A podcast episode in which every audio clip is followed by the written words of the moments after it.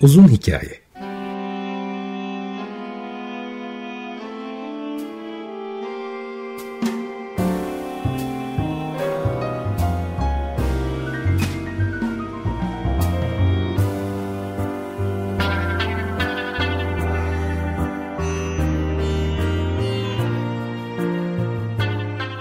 Hazırlayan ve sunan Muzaffer Çorlu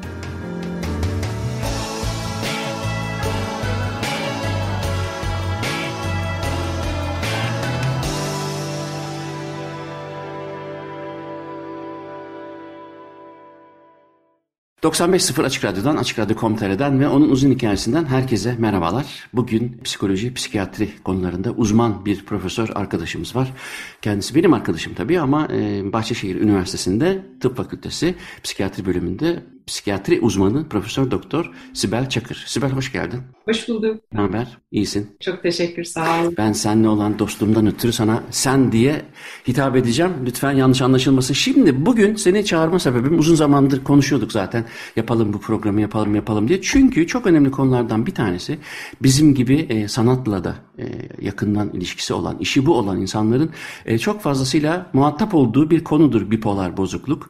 E, ama tabii öncelikle seni e, bu konuyu konuşmak için çağırdım ama bu konunun tabii etrafında dolaşan bazı şeyler de vardır. Mesela yaratıcılıkla olan ilişkisi gibi, dolayısıyla sanatçılardaki bu manik depresif durumların hem yaratıcılıkla ilişkilendirilmesi gibi hem de e, bipolar e, bozukluk olarak da belki bilinen bilmiyorum. Onun uzmanı sensin lütfen. Ne demektir bu? E, hani kavramları yerine oturtalım. Çünkü şimdi ben açıp DSM'de nasıl tarif edilmiş eminim bipolar bozukluk 1, 2, onun şu türevi, şusu busu diye e, detayına girmişlerdir ama sen çok net anlaşılır biçimde tanımlarsan o kavramlar üzerinden yaratıcılığa, sanatçılığa oraya doğru beraber akar gideriz. Tabii ki. Çok teşekkürler. Güzel bir konu ve başlık oldu. E, bipolar bozukluk duygu durum bozukluğudur. Duygu durum bozukluklarının en sık görüleni bir kronik psikiyatrik hastalık aslında. Hastalık demek gerçi çok doğru değil. E, adı üzerinde bozukluk. Bozukluk aslında net olarak patolojisinin tarif edilmediği, yapısal e, bir patolojinin net olarak gösterilemediği ama çalışma ve işlevde fizyolojik olarak bir değişikliğin olduğu, kişilerin duygularını, davranışlarını, e, ve düşüncelerini etkileyen bir aslında temelde bir duygu durum bozukluğu.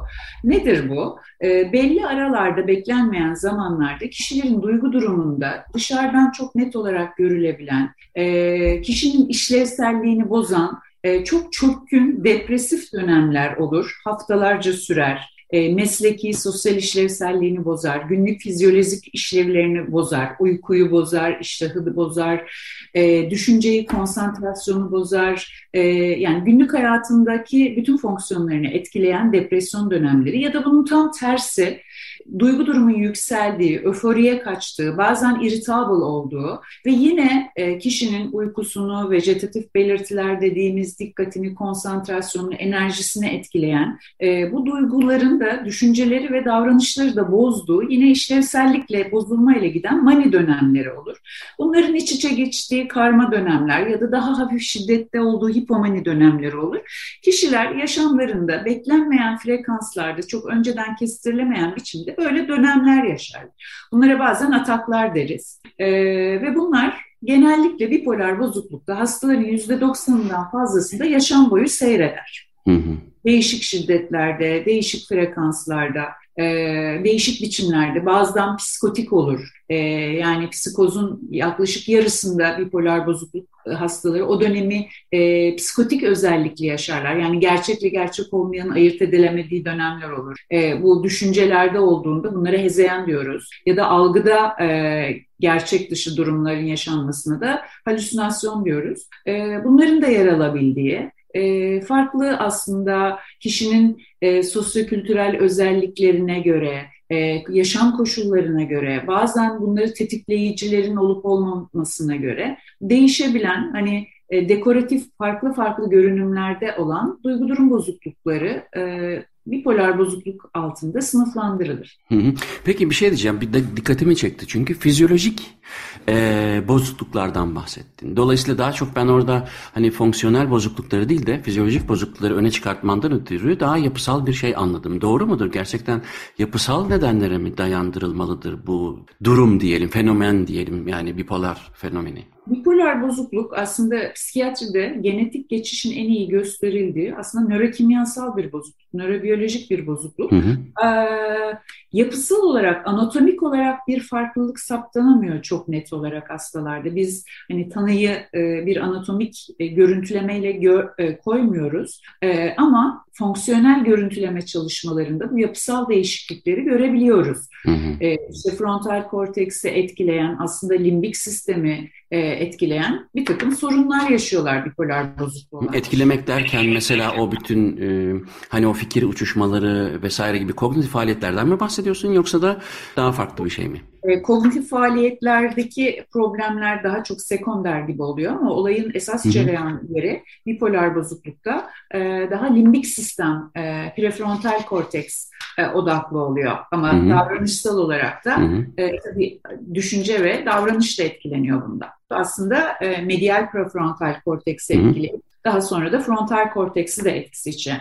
Yani Peki bunların sonucunda ortaya ne çıkıyor? Yani bunların sonucunda bizim dışarıdan görebildiğimiz o çok manik öfürük hallerle veya tam tersi çok işte motivasyon kaybı, mutsuzluk ya da hareketsizlik e, neredeyse katatonik durum gibi iki ayrı uçta bir davranış e, paterni görmemize mi yol açıyor bunlar? Evet kesinlikle. İşte depresyon döneminde kişiler yataktan çıkacak enerjiyi bulamıyorlar. Çok net bir biçimde bir umutsuzluk, karamsarlık, enerjide bir azalma, isteksizlik, motivasyonsuzluk, daha olumsuz düşünme, daha negatif düşünme, kendine güveninin azalması, dikkat ve konsantrasyonun bozulması, psikomotor hareketlerde bir yavaşlama, retardasyon dediğimiz durum, ajitasyon, huzursuzluk, enerjisizlik gibi belirtiler depresyonda yoğun biçimde görülüyor.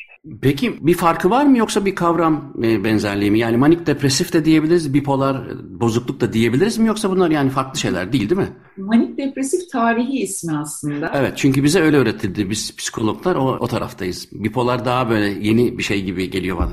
E, yaklaşık aslında 20-25 yıldır Türkçe'de de e, bipolar bozukluk Hı-hı. kavramı kullanıyoruz yoğun bir biçimde. Ondan önce e, manik depresif hastalık daha sonra aslında Türkçesi biraz iki uçlu bozukluk, iki kutuplu hastalık gibi de isimler kullanılmış ama artık son yıllarda bipolar bozukluk biraz daha net bir Otur.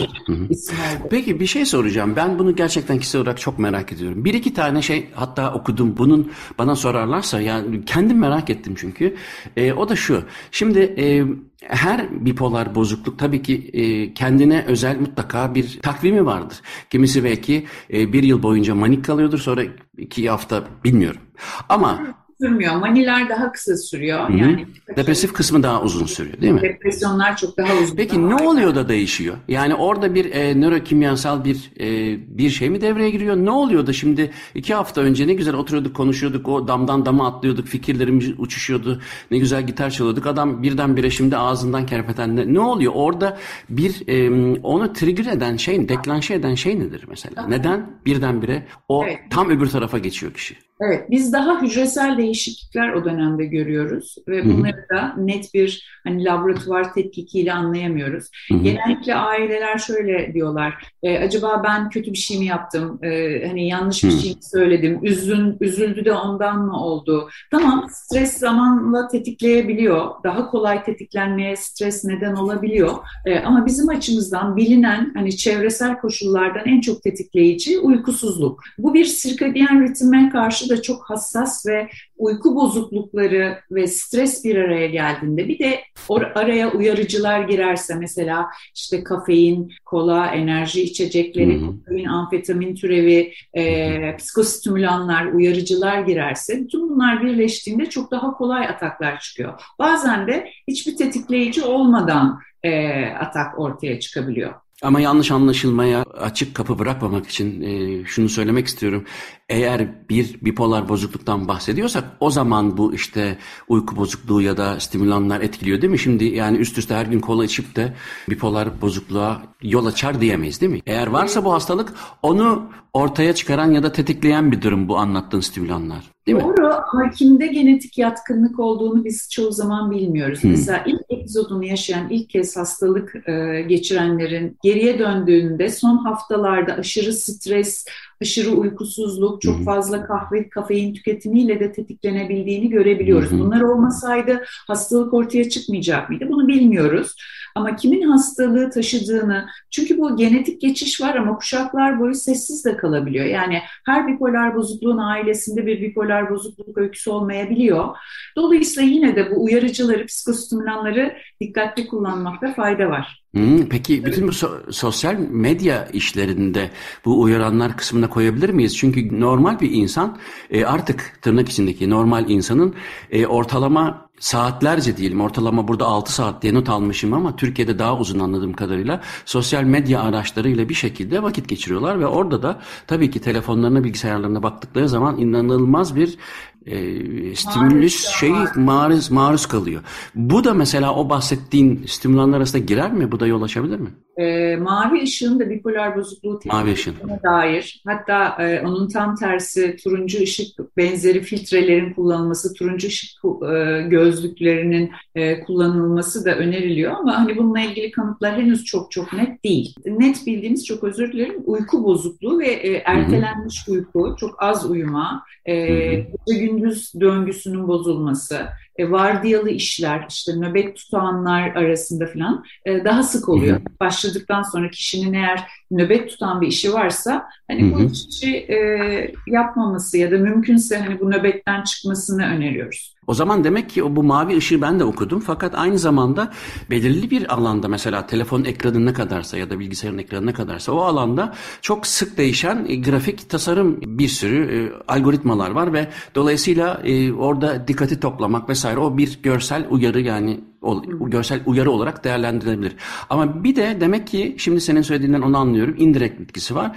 Çünkü şu anda onu yeni okudum çünkü e, uykusuzluk üzerinde yeni çalışmalar sosyal medyanın inanılmaz bir numaraya yükselmiş. Yani uyku işte şuna da bakayım neyse şunlara da bakayım şu şöyle olmuş şu böyle olmuş diye hızlı akan bilgiden ötürü işte 12'de yatağa girip 1-2 saatte yatakta elinde telefonuyla vakit geçirenlerin sayısı en azından burada artmış. Çünkü burada okudum Belçika'daki bir araştırmaydı ama Türkiye'de bunun daha iyi olacağını pek ihtimal vermiyorum. Gördüğüm için çünkü. Tabii ki yani bu e, aslında çok biyolojik bir şey. Çok kültürel farklılık olduğunu zannetmiyorum. Hı hı. Ve gece kalkıp mesela telefona bakma da aynı biçimde. Keşke mümkün olsa da herkes ben öneriyorum. Hani uçuş modunu alıp e, mobil telefonları aslında yatak odasının dışına çıkarmak en iyisi. Ya da bu mavi ışığa maruz kalma zamanını mesela uykudan 1-2 saat önce kapatmak, kesmek yine daha sağlıklı bir, bir yol gibi duruyor. Bu ikisinin arasında kalkıp insanlar e-maillerini cevaplıyorlar. O kadar iş odaklı ya da sadece sosyal medya değil. Aslında dijital dünya çok fazla hayatımıza girdi ve bozucu etkileriyle de karşılaşıyoruz. Zaten geçen gün bir 3-4 tanesi birden çökünce bütün dünyada bir panik havası. Yani ne kaçırıyorsa insan e, ben de asla biri başkasına söylemiyorum. Kendim de dahil ettiğim bir gruptan bahsediyorum. O yüzden böyle üstten konuşuyormuş gibi algılanmayayım. Şimdi bipolar bozukluk deyince gerçekten bizim gibi böyle hem nöromüzikolojik açıdan bakanlar hemen biraz da eğer e, serde varsa psikoloji vesaire benim gibi o zaman hemen akla sanat alanındaki yaratıcıların e, bipolar geçmişini ailesinde var mı yok mu hemen böyle enteresan işler yapılıyor. Ben o kadar çok çalışma gördüm ki daha önce yaratıcılık ve e, psikopati konusunu e, psikiyatrist İlker Küçükparlak'la yapmıştık. Orada da tabii yani hep her zaman karşıma çıkan bir şey. Fakat kendisinde ve ailesinde e, yani yani geçmişinde genetik yatkınlığı bakımından söylüyorum. E, bipolar bozukluğa sahip e, çok ünlü sanatçılar var. O yüzden konuyu oraya getirmek istiyorum ama bunun e, ilk benim rastladığım sana hem bu programa çalışırken de tekrar onu görmüş oldum. 1980'lerde 87'de ki ben o zaman psikoloji okuyordum 1987'de.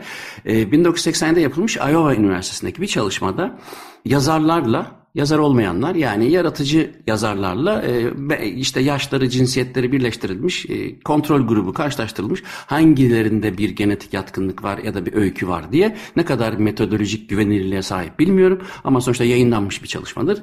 Neyse o çalışmada yüzde 43 bulunmuş yaratıcı yazarları hikayeye yakınlığı diğerlerinin yüzde on. Şimdi bu arası bu aradaki ilişki gerçekten hani bu İngilizce'de yani over representation diye bir şey vardır ya eğer tabii ki e, Van Gogh öyleyse, Charles Mingus öyleyse, Gauguin öyleyse, işte Handel öyleyse, aa bütün sanatçılar çünkü onların isimlerini biliyoruz ama işte Ahmet, Hans falan deyince onları tanımadığımız için e, yaftayı bu tarafa atıyoruz. Bir de böyle de bir çalışma var. Yani bunun aşırı da yorumlandığına ilişkin. Senin düşüncelerini merak ediyorum. Çalışmaların sonuçta çünkü son son zamanlarda değil mi? Son 20 yıldır bipolar üzerine çalıştığın için sendeki bilgiler taze ve güvenilirdir diye. Çok haklısın. Hatta bipolar bozukluk halk arasında sanatçı hastalığı diye de biliniyor. Ya da kişi bipolar bozukluk olunca mutlaka sadece sanatla uğraşabilir, başka bir şey yapamaz gibi de evet. düşünülebiliyor. Ya da sanatçıların arasında dediğin gibi daha çok. E, çalışmalarda evet epeyce bir 30-40 yıldır aslında bu ikisinin arasında yaratıcılık ve bipolar bozukluk arasında bağ var mıyı e, epeyce bir sorgulamış. Hı hı. Tabii metodoloji önemli. E, ilk çalışmalarda ölmüş yazarların e, işte tarihi metinlerine, romanlarına falan bakıp e, kişilerin hani tasvir edilen psikoz, depresyon ne kadar anlatılmış bunlara bakmışlar. Ya da ne miktarda mesela kaç kez depresif kelimeleri ya da duygu durumla ilgili bir takım anahtar kelimeleri ne kadar kullandıklarından bu yazar ve şairlerin ya da yaşam öykülerinden, biyografik yaşam öykülerinden bakmışlar. Bunlar tabii çok güvenilir değil. Onlar da yüksek saptamışlar. Daha sonra da yaratıcılığı tanımlayan bir takım böyle yaratıcılık ölçekleri geliştirilmiş, oluşturulmuş. Yaratıcılık derecesinin skalasını ölçen ölçekler. Onlarla yaşayan yazarlara, şairlere ve sanatçılara yüz yüze e, görüşmeler, birebir görüşmeler, e, ölenlerin biyografilerinden, eserlerinden değil de kendileriyle görüşmelerde de aslında bu yaratıcılıkla bipolar bozukluk ilişkisi doğrulanmış. Hatta bu kişilerin e, ailelerinde de yüzde otuz oranında falan bipolar bozukluk öyküsü toplumda görülme sıklığından çok çok daha yüksek oranda görülmüş. Hani aileden olup herhangi bir bipolar bozukluğu göstermeyen kişilerde de bu yaratıcılık var. O zaman acaba bipolar bozukluğu ortaya çıkaran genlerle yaratıcılık genleri e, bağlantılı mı ya da yakın mı gibi de araştırılmış. E, paylaşılan ortak bir mekanizmanın olabileceğinden aslında şüpheleniyor. Akla en yakın açıklama bu gibi. E, gerçekten yaratıcılıkla bipolar bozukluk arasında çünkü hastalığın ortaya çıkarmayan aile bireylerinde de olduğu için ortak bir mekanizma mı paylaşıyorlar. Ama e, hastalara bakmışlar mesela e, hastalığın şiddetli dönemlerinde o kadar yaratıcı olmuyorlar. Ağır depresyonda ya da ağır mani döneminde çok üretici ve yaratıcı olamıyorlar ama iyilik dönemlerinde daha yaratıcı oluyorlar. Ya da aile üyelerine bakıldığında hastalanmayan kardeşler aslında en yaratıcılar ama toplumdan da daha yüksek oranda ama hasta da değiller e, gibi bir durum var. Yani aslında yaratıcılık için zinde bir e, beyin de lazım bir taraftan. Hı. Hani çok hasta bir beynin ürettikleri çok da yaratıcı olarak düşünülemiyor ama Hı. bir yakınlık, bir genetik yatkınlık var. Aynı zamanda esnek de olmak gerekiyor. Aynı zamanda kreatif de olmak gerekiyor. Aynı zamanda çabuk set değiştirmek de gerekiyor. Ya da yenilik arayışının fazla olması gerekiyor. Bunlar da yaratıcılığın yanında aslında bipolar bozuklukla ortak alanlar. Manik tarafıyla ortak alanlar. Değil mi? Ödül merkezinin de fazlasıyla hani ödüllendirilmeyi e, arzuladığı da bir döneme denk geliyor sanıyorum. Dolayısıyla o da iyi bir yani üretmekte iyi bir onaylama durumudur herhalde değil mi? Peki şöyle yapalım istersen Sibel bir müzik dinleyelim. E, bu sanat e, ve yaratıcılıkla ilgili bipolar bozukluğu ilişkilendirmeye devam etmeyi isterim. Ne dinleyelim sen seç. Valla ben müzikte biraz değişik ve karışık e, bir e, spektrum var. E, etnik caz ve kadın vokalleri çok seviyorum. Mesela Beth Hart diye bir vokal vardır ve e, Grammy adayı. Mesela Beth Hart da aslında bipolar bozukluğu olduğu bilinen bir sanatçı. Ondan bir parça dinleyebiliriz. Tamam. Ondan sonra devam edeceğiz. Evet, psikiyatri uzmanı Profesör Doktor Sibel Çakır'la bugün hem bipolar bozukluğu hem de e, yakın alanları, yaratıcılıkla ilişkisini konuşuyoruz. Birazdan da belki sanat terapisine de gireriz. Çünkü sanat terapisine izin verirsen şöyle bir e, köprü kurmak istiyorum. E, ve de sana sormak istiyorum. Doğru mu düşünüyorum? Şimdi e, manik dönemlerde olduğu düşünelim bu sanatçıların. Üretmek için biraz önce senin anlattığın sebeplerle çok da motiveler üretmek için ve de alanları her neyse kitap yazmak gibi, şiir yazmak gibi, müzik neyse alanları resim e, orada üretmeye başlıyorlar. Fakat bu aynı zamanda onların bu içindeki ben kelimeleri kesinlikle sana bırakarak konuşacağım. Yani e, belirsiz söyleyeceğim daha doğrusu. E, içindeki duyguları bir yere aktarıyorlar. Ve biz de buna eser diyoruz ya. Ama aslında onu oraya aktarmış olmak, onlarda bir rahatlamaya yol açıyor mu? Buradan yola çıkarak çünkü e, son yıllarda yapılan bir çalışma var. Bunu e, daha yeni okudum. Orada e, özellikle manik depresiflerde manik haldeyken e, halüsinasyonlar da gören bazı hastalarda o halüsinasyonları resmettikleri zaman e, halüsinasyonlarını kendi ürettikleri tabloda ya da kanvasta gördükleri zaman e, daha fazla bunun bir halüsinasyon olduğuna inançlarının arttığından mütevellit e, bunların kendisine iyi geldiğini düşünen e, ve de bunu da kaleme almış bir takım e, bir grup e, psikiyatrist var. Ben de onu yeni okudum. Dolayısıyla sanat terapisinde aslında kişinin kendisiyle karşı karşıya kalması, kendisiyle baş başa kalmasında e, yararlı olduğunu düşünüyor onlar. Sence de gerçekten e, bu düşüncem doğru mu? Bu sanatçılar aslında ürettikleri şeylerle kendilerine bir e, melhem olmuyorlar mı aslında? İyileşiyorlar, yaratarak iyileşiyorlar belki. Diye hissediyorum ben. Doğru mudur? Doğru e, olduğunu düşünüyorum. E, ruh sağlığının tanımında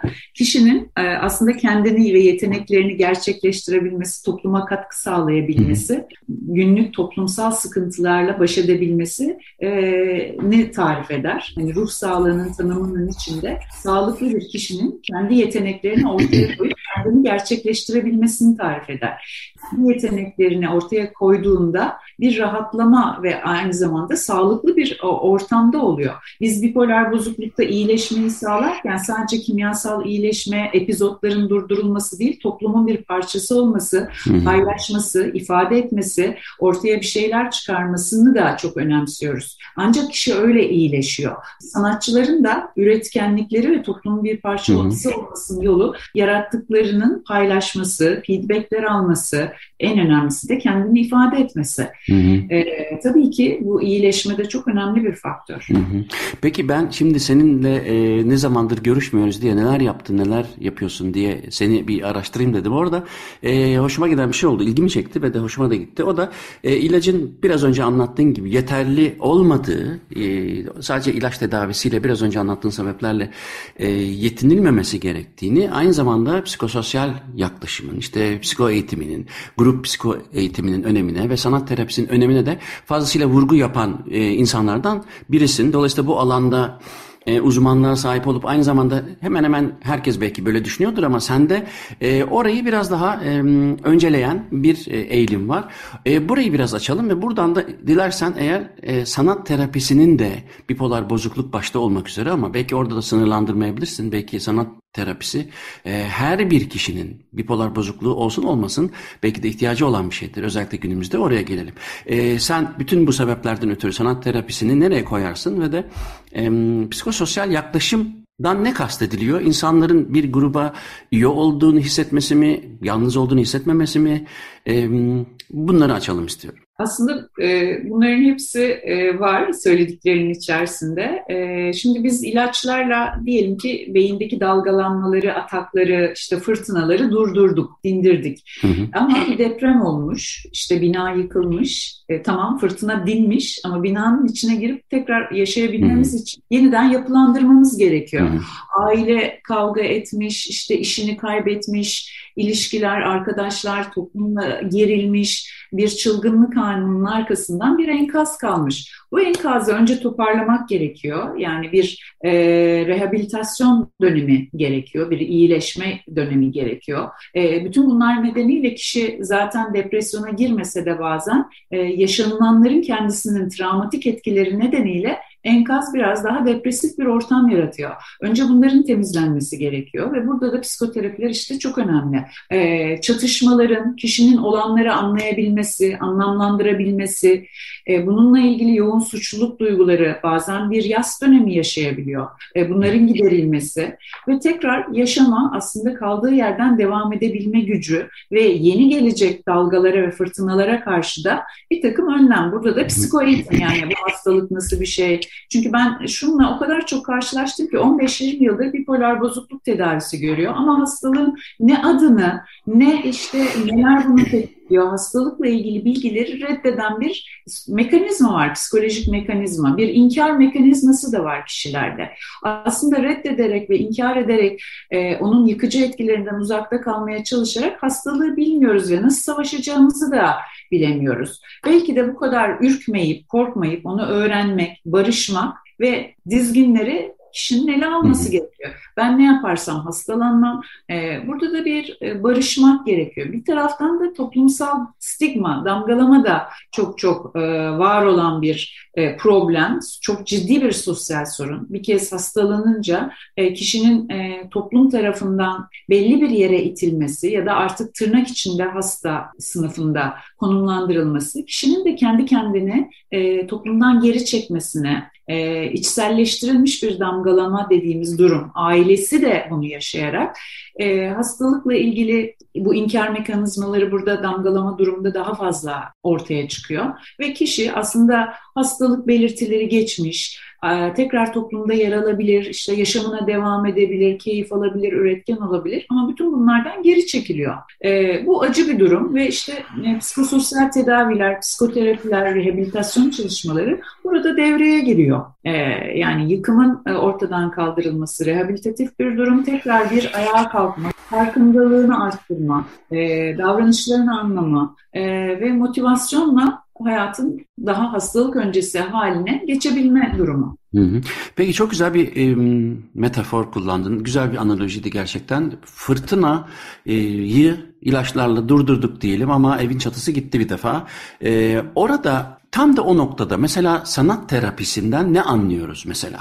O durumda olmuş birisi. İlaç da durduruldu. Tamam artık e, biraz da kendisini çeki düzen verecek bir e, duygu durumuna sahip. E, yenilenmesi lazım. Bir takım yaraların sarılması lazım ve olası bir fırtınaya da biraz daha sağlam bir çatıya girmesi lazım. İşte o noktada e, sanat terapisinden ne anlıyoruz? ya da siz ne anlıyorsunuz? Ee, ve de sanat terapisi denen şey böyle e, Kulağa belki çok karmaşık gelebilir çünkü işin içinde sanat var. E, tam olarak ne kastediyoruz? Hangi sanat? E, sanat terapisi aslında bipolar bozukluğa spesifik bir alan değil. Pek çok psikiyatrik hastalık hı hı. için e, çok önemli e, ve aslında bir e, bilim dalı e, sanat terapisiyle ilgili dünyada yapılan çok fazla önemli şey var. Bizim ülkemizde de Sanat Terapileri Derneği aslında çok hoş faaliyetler ve çalışmalar içerisinde e, benim de bir zamanlar kurucularından biri olduğum ve desteklediğim çok kıymetli arkadaşlarımız var. E, esas e, hedefledikleri e, kısım bipolar bozukluk değil. Bipolar bozuklukta daha etkin olan yöntemler e, psiko eğitim ve bilişsel davranışçı terapi ve benzeri yöntemleri daha çok kullanıyoruz. Ama bipolar bozukluğun da tabii sanat terapisiyle ilişkisi önemli olabilir. E, sanat terapisini şöyle anlamlandırmak ve belki ifade etmek daha uygun. Kişilerin e, işte bu az önceki konuştuğumuz inkardan tut da kendini e, ifade edememe, e, izolasyon, toplumdan uzak kalma, damgalanmış yaşantıların, içselleştirilmiş damgaların kişinin hayatında e, çok ciddi bir kısıtlayıcı e, durumlar yaratması sanat terapilerinde yavaş yavaş ifade gücünü e, arttırarak katman katman düşünün bir soğanın katmanları gibi belki de o üzerindeki inkar savunmaları atarak yavaş yavaş açılarak kişinin kendi duygularını ve düşüncelerini ifade etmesi. Çoğu zaman aslında e, bilinç dışı davranışlara, bilinç dışına da yaklaşım sanat terapileriyle çok mümkün olabiliyor. O savunmaların yavaş yavaş yıkıldığı ve farkında olmadan aslında çorap söküğü gibi gibi bir kör düğümün yavaş yavaş çözülmesini sağlayabiliyor. Duygu ve düşüncelerin yani burada ifade çok önemli. E, sembollerle ifade işte müzik, müzikte sen çok e, vakıfsın duruma. Bir sembol aracılığıyla e, ulaşılamamış, itilmiş, bastırılmış, inkar edilmiş duyguya ve düşünceye ulaşma hali yaşantılara, belki de travmaya. Mesela travmada da çok çok etkilidir. Travmatik yaşamlar, yaşantılarda ve travmatik e, psikiyatrik sorunlarda yine sanat terapisi çok etkin. E, dolayısıyla bir biraz bastırılmış ve bilinç dışı materyalin yavaş yavaş sanat aracılığıyla ifade bulması ve buradan rehabilitasyonun başlaması hı hı. önemli. Bir arada olmasının, e, birileriyle bunu paylaşmanın, aslında bir taraftan da bir üretime dönüşmesinin, hani bir yaranın aslında bir üretime dönüşmesinin de yolu açılmış oluyor böylece. Hı hı. Ya ben ama şunu anlıyorum buradan daha çok söylediklerinden. Mesela e, herhangi bir diyelim ki örnek bipolar olsun konumuz o diye şart değil tabii ki bir sürü psik psikiyatrik durumda sanat terapisi kullanılabilir ama dediğin gibi sembollerin kullanılması eğer devreye girdiğinde yani sembollerle ifade edilebilecek şeylerin alanının genişlem, genişlemesi dolayısıyla bir rahatlamaya yol açıyorsa o zaman demek ki e, bir ifade sorunu var, bir ifade etme sorunu var, bir konuşmalarımızın yeterince e, dar alanda kalması diyelim daha doğrusu yeterince geniş olmaması bizi daha geniş şekilde e, tam ucu bucu belli olmayan sembollerin dünyasında anca ifade ederek e, hiç olmazsa o şekilde kendimi ifade ettim. Yani işte bir kırmızı boyanın üzerine işte herhangi bir diyelim şekli ortaya koyduğunda belki de aylarca sürecek ifadeyi birdenbire apse patlayı veriyor mesela bir evet. sembol aracılığıyla.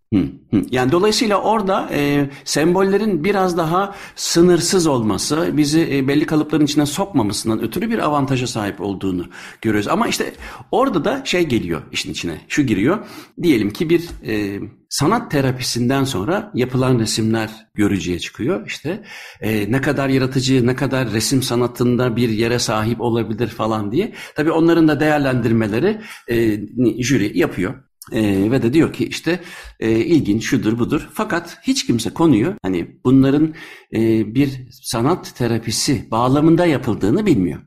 Kimilerini işte sıradan buluyor, kimilerini anlaşılmaz buluyor. Kimilerini de e, işte e, çok yaratıcı buluyor. Dolayısıyla aslında sanat terapisinde şimdiye kadar hiç resim yapmamış birisi dahi hayatında e, sadece işte hani bir küçük bir imkan verildiği zaman işte bu tuval, bu boya falan hadi kendi içini dök dendiğinde e, ressamların, jürinin bile bak bu çok kıymetli olmuş diyebileceği bir şey ortaya çıkıyor demek ki.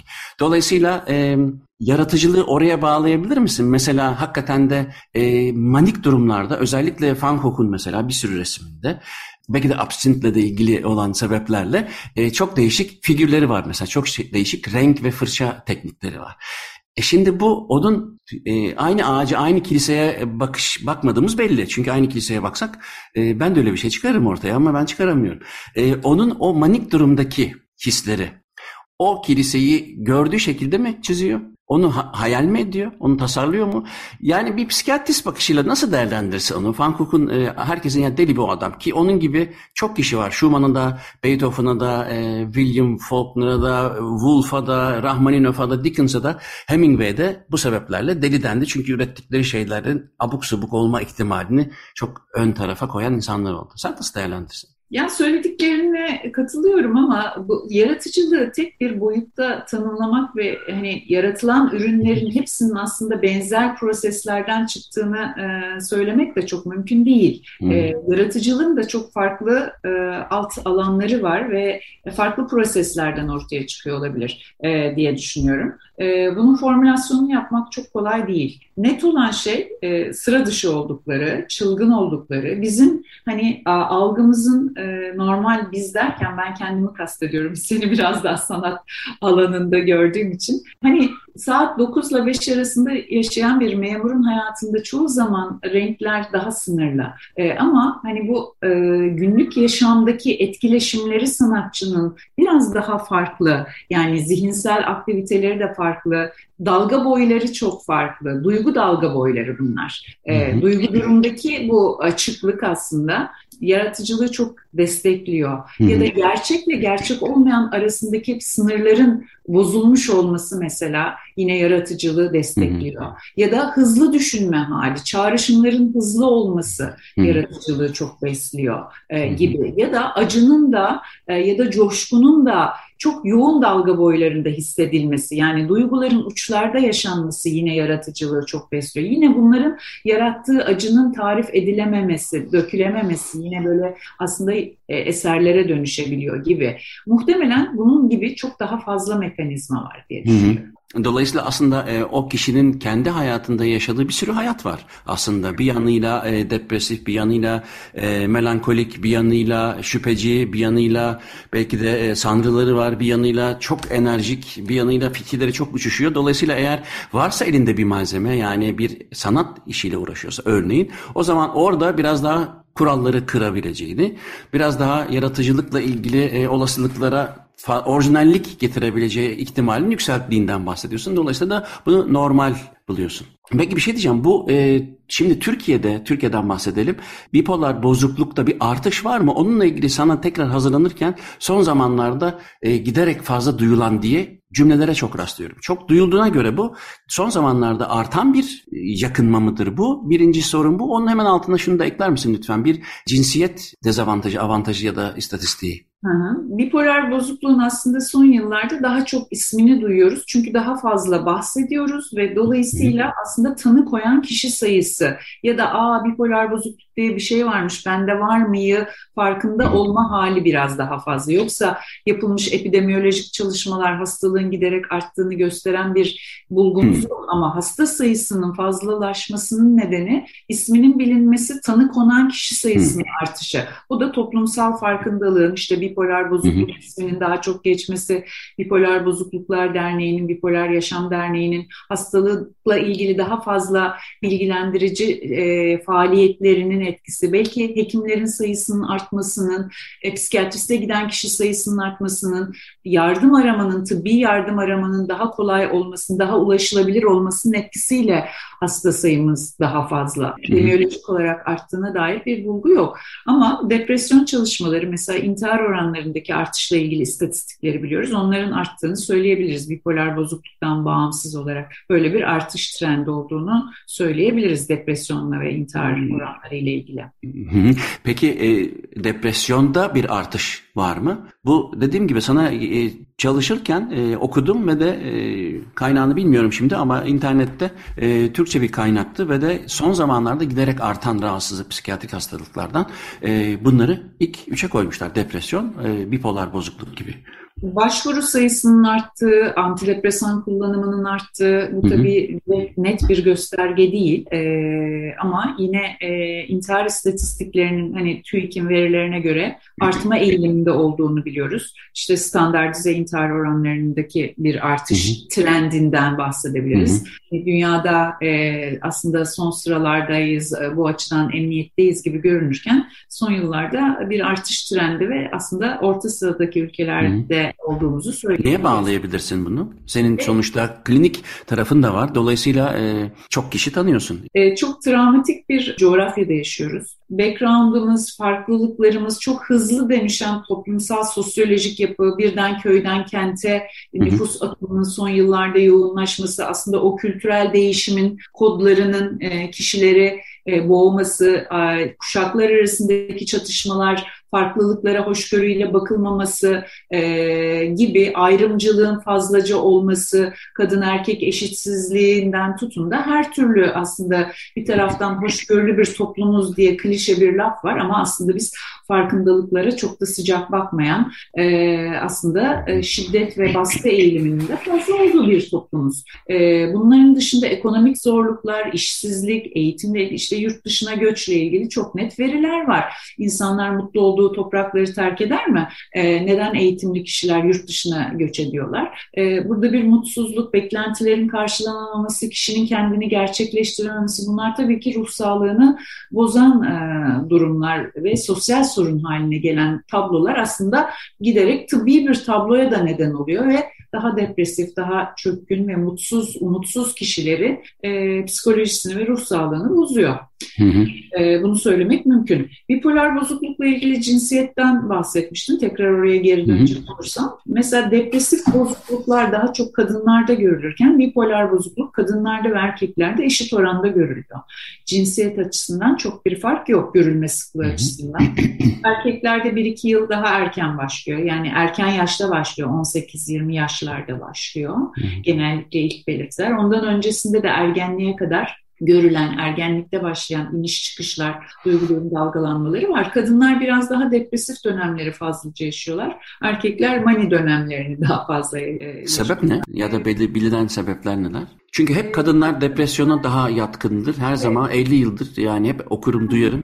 Hatta iki katı daha değil mi? İstatistik evet, olarak kesinlikle. iki katı. Buradaki en önemli neden hormonal e, faktörler ve e, seks hormonlarının da aslında beyinde bir takım etkilerinin olması ve kadınlardaki e, hormonal döngüler e, yaşam boyu değişen işte e, adet görmeyle başlayan ayın ilk yarısında farklı, ikinci yarısında farklı hormonal etkiye maruz kalma, gebelik, doğum, doğum sonrası atak dönemlerini fazlaca görüyoruz. Bunların hepsi e, hormonal etkiler. Yine menopoz ve sonrasında da e, hormonal etkiler kadınlarda kadınlara biraz daha adaletsiz ve e, vahşi davranıyor diyebiliriz. Hı hı. Bir o alan kalmıştı vahşi davranılmadığı kadınların Oradan da yeterince nasibini almış. Peki o zaman son konumda şu. Şimdi ben e, böyle dikkat eksikliğiyle çok meşhur bir kişiyimdir. E, hakikaten e, bu programları yaparken bir saatlik konsantrasyon için en az dört saat çalışıyorum ki bir saat kendimi toplayayım diye. Aklım çok uçuşuyor çünkü. Ama herhalde yani ne kadar kriminal benimki bilmiyorum ama çok kriminal davalar var da e, bununla ilgili dolayısıyla çok araştırma yapıyorum. Okuyorum hem de e, bu konuda da bir program yapacağım. Dikkat eksikliği çok önemli çünkü. Giderek de artmasını da anlayabiliyorum. Fakat e, bu fikir uçuşmaları olsun, dikkat eksikliği olsun birçok fenomenin de bir belirtisi. Yani heyecanlandığı zaman da insanın, ben yıllarca sahneye çıktığım için biliyorum heyecanlandığım zaman e, ikinci sayfaya gidiyor aklım, üçüncü sayfaya gidiyor falan seyirciye gidiyor. Beğenecekler mi, beğenmeyecekler mi falan dağılıyorum zaten. Aşırı kaygı direkt dikkati bozuyor. Evet. Şimdi fakat e, bu da yine hani son zamanlarda çok görülen e, bu erteleme hastalığıyla da ilişkili bir şey. E, konuyla ilgili olabilir, olmayabilir ama psikiyatrist yakalamışken ben bunu sorayım istiyorum. Şimdi erteleme hastalığı hani procrastination olarak bilinen erteleme hastalığında da e, biraz önce söylediğim gibi inanılmaz bir artış olduğunu e, fakat bunların ortalama hani sen de söylediğin programımdan önce e, daha çok belki obsesif kompulsif bir noktaya gidebilir diye. Fakat benim okuduğum şey ne kadar doğru bilmiyorum. E, gene bu e, DSM'de de galiba bu şekilde tanımlanmış yanlış bilmiyorsam. E, çok sıklıkla daha doğrusu daha fazla görülmesinin sebebi, insanların daha fazla ertelemesinin sebebi aslında e, duygu durum değişikliklerinin gün içinde artık daha fazla, eskiye göre daha fazla dalgalanıyor olmasına bağlanmış. Duygu durumla ilişkisi var mıdır bu erteleme hastalığının? Olabilir ama e, yine bunu da biraz daha çok boyutlu incelemek lazım. Erteleme Hı-hı. hastalığından çok erteleme davranışını aslında tarif etmek lazım. Ve bu davranışın farklı nedenleri olabilir.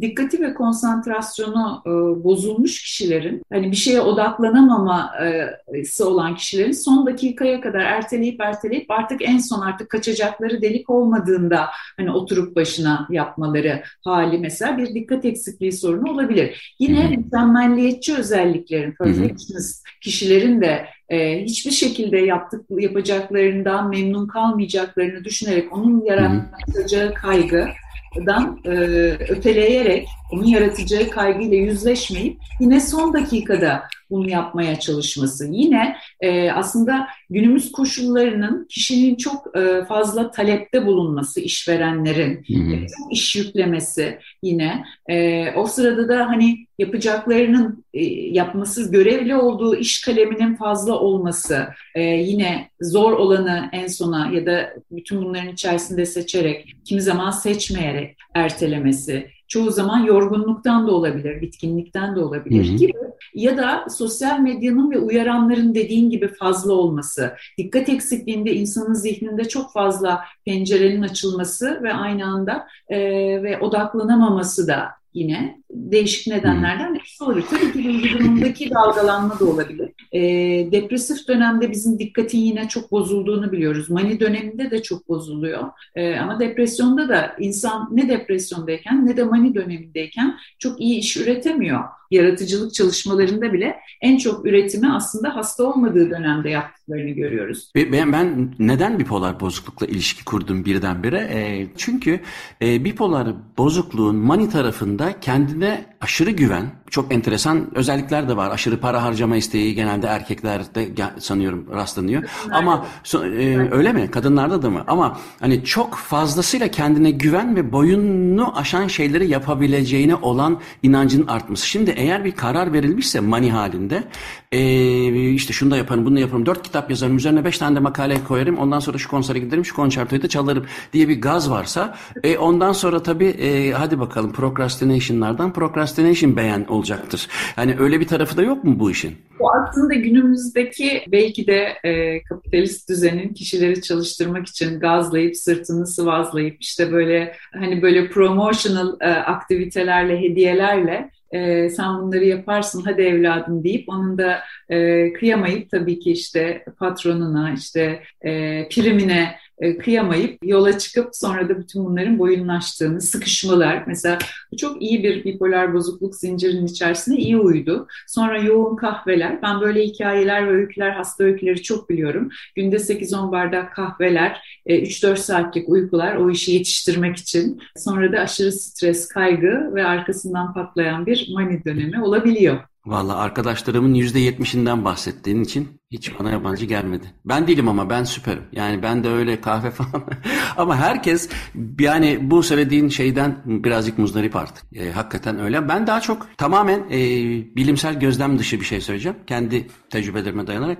E, boyunu aşan işler cesaretinin arttığını ben gözlemliyorum. Gençlikte biraz daha fazla oluyor herhalde. Biraz hayır diyebilmek. Gerçi şimdiki kuşak aslında daha net, yeni e, nesil biraz daha sınırlarını rahat çizebiliyorlar. Hayır diyebilmek ve fazla iş beklentisine karşı sınır çizebilmek de önemli bir şey. E, sağlığımızı korumak için bu e, tükenmişlik sendromu dediğimiz duruma düşmemek için yapamayacağımız fazla e, işlere de gazla e, evet dememekte fayda var tabii.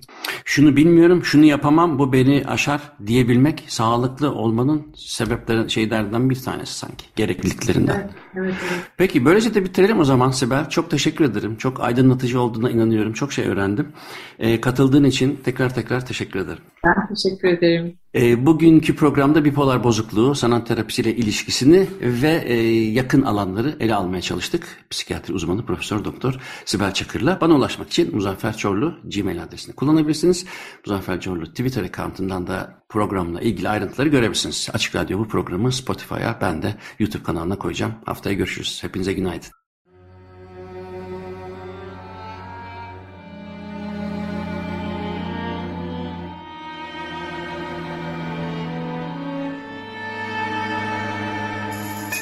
Uzun Hikaye